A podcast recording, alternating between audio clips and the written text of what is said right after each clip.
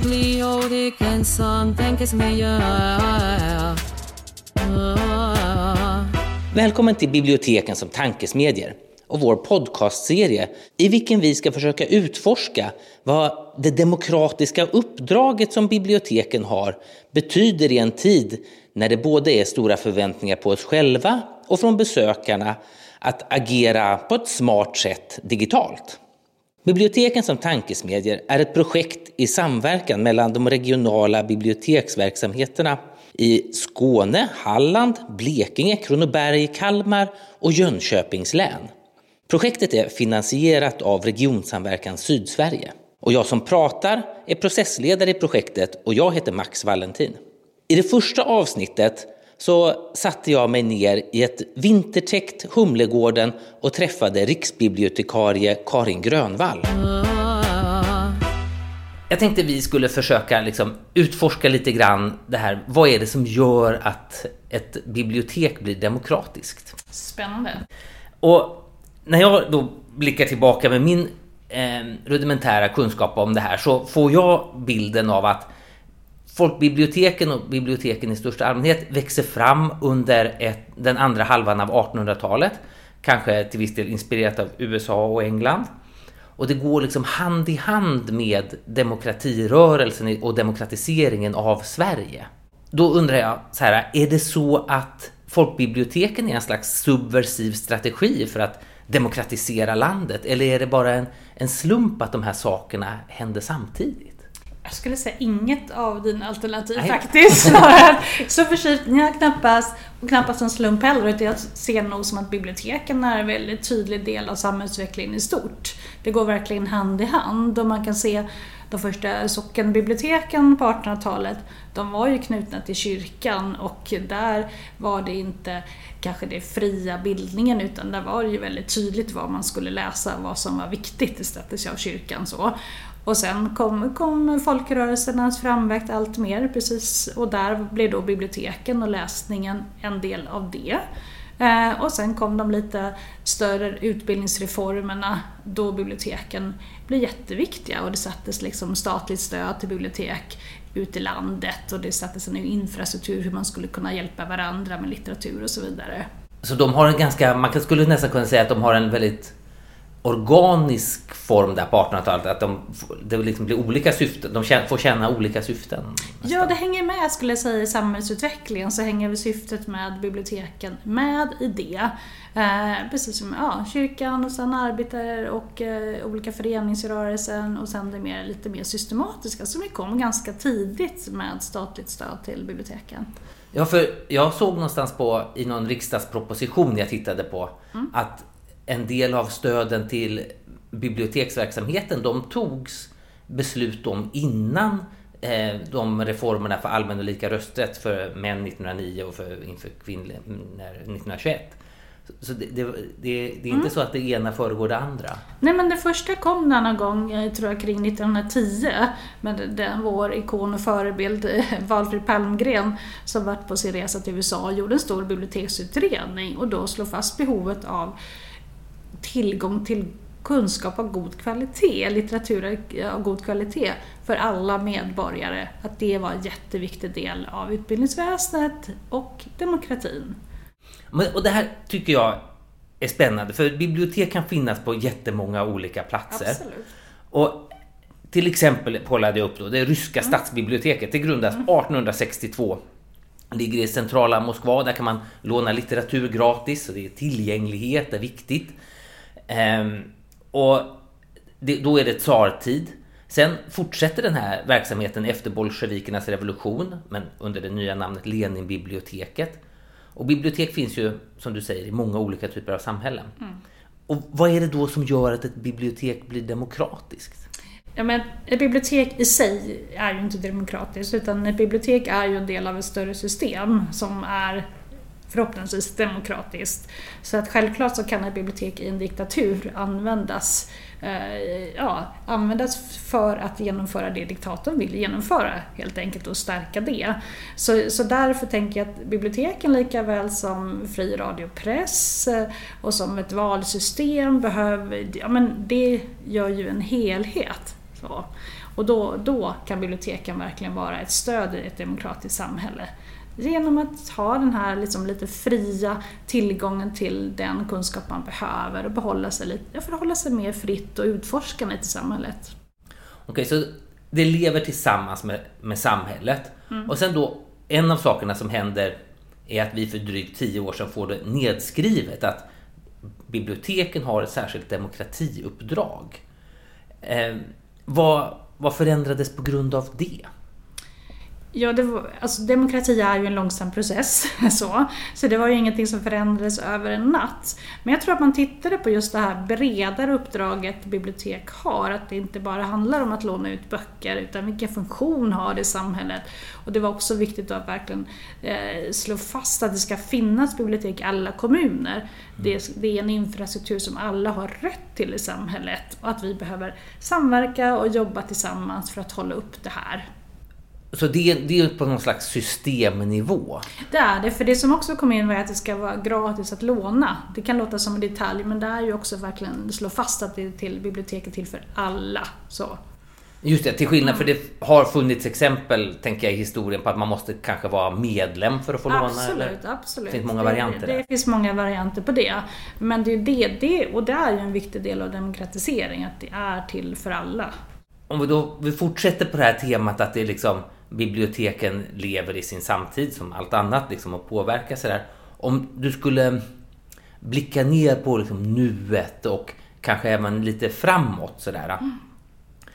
Vilken roll och utveckling ser du för biblioteken i den här stora demokratiska och digitala väven? Ja, det är ju en 10 000 kronors fråga. Jag tror att den är jätteviktig att verkligen ta om hand på biblioteken och gärna lite bredare kretsar. Eh, för vi ser ju att vi har den här här väldigt starka ställningen som jag tycker bygger på vilka värderingar vi bygger på i grunden. Och det handlar ju om integritet. Man får inte lämna ut uppgifter om vad folk lånar utan man ska känna att man har en stark, kan ha en stark integritet på ett bibliotek. Eh, och det handlar om inkludering. Alla ska vara välkomna. Och så handlar det om kunskap och bildning. Det här kanske blir en passus, men jag, jag provar den ändå. Jag har jobbat lite grann med ett bibliotek i östra Ukraina den senaste mm. tiden. Och en av sakerna som hände, de, det är en stad som var ockuperad under en kortare period förra våren. Mm. Och då stals deras eh, biblioteksserver i den här staden. Mm.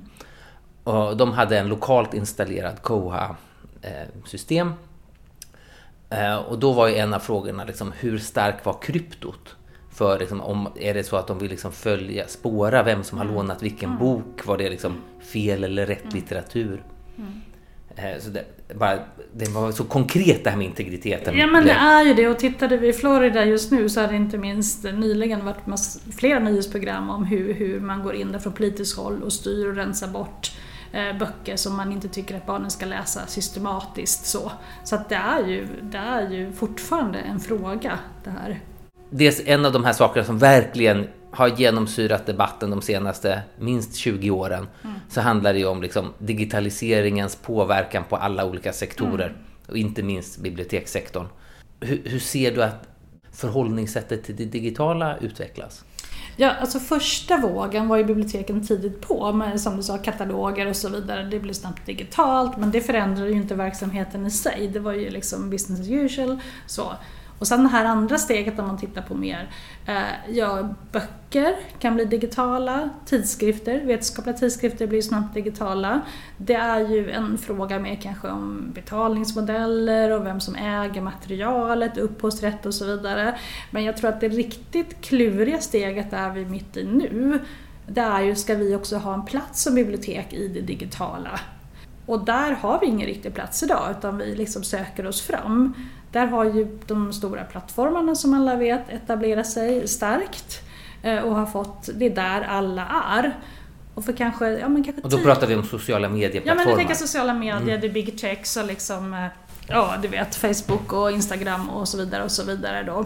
Eh, och där kan man ju verkligen säga vilka värderingar styr där. Det är ju inte bibliotekets värderingar. Integriteten är det första som försvinner.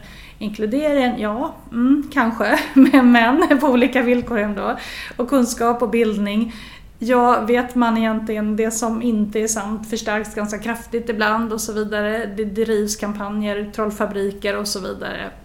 Så det är ju en helt annan typ av miljö än den vi är vana att driva som bibliotek. Men inte desto mindre så attraherar den ju väldigt mycket. Så det här tror jag, hur ska vi förhålla oss? Ska vi ha mer samtal om det eh, med våra besökare och så vidare? Eller ska vi också hitta en plats som vi kan vara? Vara någon slags motkraft som ändå är attraktivt och spännande. Ja, det där är ju en intressant fråga. Med, för vad skapar den attraktiviteten? Ja, eller hur? Den har jag också funderat mycket på. Och jag tror för sådär tio år sedan så, så pratade man mycket om att man ska, man ska vara där folk är. Alltså även i det digitala. Och jag jobbar ju med på universitetsbibliotek då, att man skulle inte skapa egna söktjänster utan man, ja, man skulle använda Google eller de andra och sen kunde man komma till vårt material. Så. Och då var man väldigt säker på det för de gör så bra tjänster. Men nu börjar vi lite lite grann drar den åt oss när man ser just det här integritetsfrågorna. Vad händer med det? Alla kanske inte vill lämna ut sin data eh, på det sättet. Men, ja, man kanske inte vill vara där. Eh, man tappar kontrollen över sitt material och så vidare. Så den där frågan eh, måste vi nog vända och vrida på ganska mycket tror jag för att komma vidare. Och mm. få lite självförtroende också i det digitala och våga göra saker och våga skapa tillsammans. Och då hänger det igen om sådana här praktiska saker som struktur, att vi har folkbiblioteken jobbar i nära lokalsamhället, vilket de absolut ska göra. Men hur kan man då jobba med lite större eh, digitala strukturer? Det kräver kanske också en annan organisation. Om en sak som har genomsyrat liksom, bibliotekens roll i demokratin mm. eh, under 1900-talet så är det ju informationsfriheten. Att det, det finns tillgänglighet absolut, och så vidare. Absolut. När nu liksom, om man tänker sig att det då finns ett överflöd av eh, information på något sätt. Är det mm. så att det är andra demokratiska fri och rättigheter som blir liksom mm. högre upp på agendan för biblioteken då? Förändras det på något sätt? Ja, då kan man ju fundera på vad är, vad är det precis, vad är det folk vill ha med ett bibliotek? Är mm. det tillgång till information eller är det någonting annat? Är det någonting mer? För om, man, om, om jag bara tittar på mm. samhällsdebatten idag så tycker jag den mm. mest omdebatterade friheten är ju yttrandefriheten. Mm, den, den är liksom verkligen. högst på agendan. Ja. Och den, den tillfredsställs ju i mångt och mycket till exempel av olika poddar där mm. eh, högljudda röster, gärna i extrempositioner, Absolut. uttalar sig. Men, men det, liksom, det, det känns ju ganska långt ifrån vad ett bibliotek ägnar sig åt. Även om man jobbar med yttrandefrihet inom eh, biblioteken. Men det är en helt annan ingång i yttrandefriheten än vad som är den stora debatten i vardagen. Och hur, vad tänker du bibliotekets ingångar med? Det kan ju handla om eh, eh både inköpspolicies mm. eller det kan handla om gallringspolicies. Om vilka yttranden mm. som liksom ska lyftas fram eller inte. Men jag tänker att den, den debatten om inköp, gallring, vad som finns på våra hyllor att tillgå, den blir ju ganska symbolisk. För alla vet ju då att det inte är så svårt att få tag på litteratur eller information. Det är inte det som är problemet längre som det kanske var en gång i tiden. Eh, därför så fascinerar det mig att det kan få så otroligt medieutrymme om man gallrar en viss bok. För gallrat till exempel har ju bibliotek alltid gjort för att ha ett liksom fräscht bestånd. Undantag Kungliga biblioteket som sparar allt ska jag säga. Men annars så är det ju en naturlig del av verksamheten att man gallrar och man kanske väljer andra böcker för tioåringar, eller man gör ju det, än om man har en mer vuxenavdelning eh, och ska ha litteratur. Så att det där är ju en del av professionen, men du får en enorm genomslagskraft.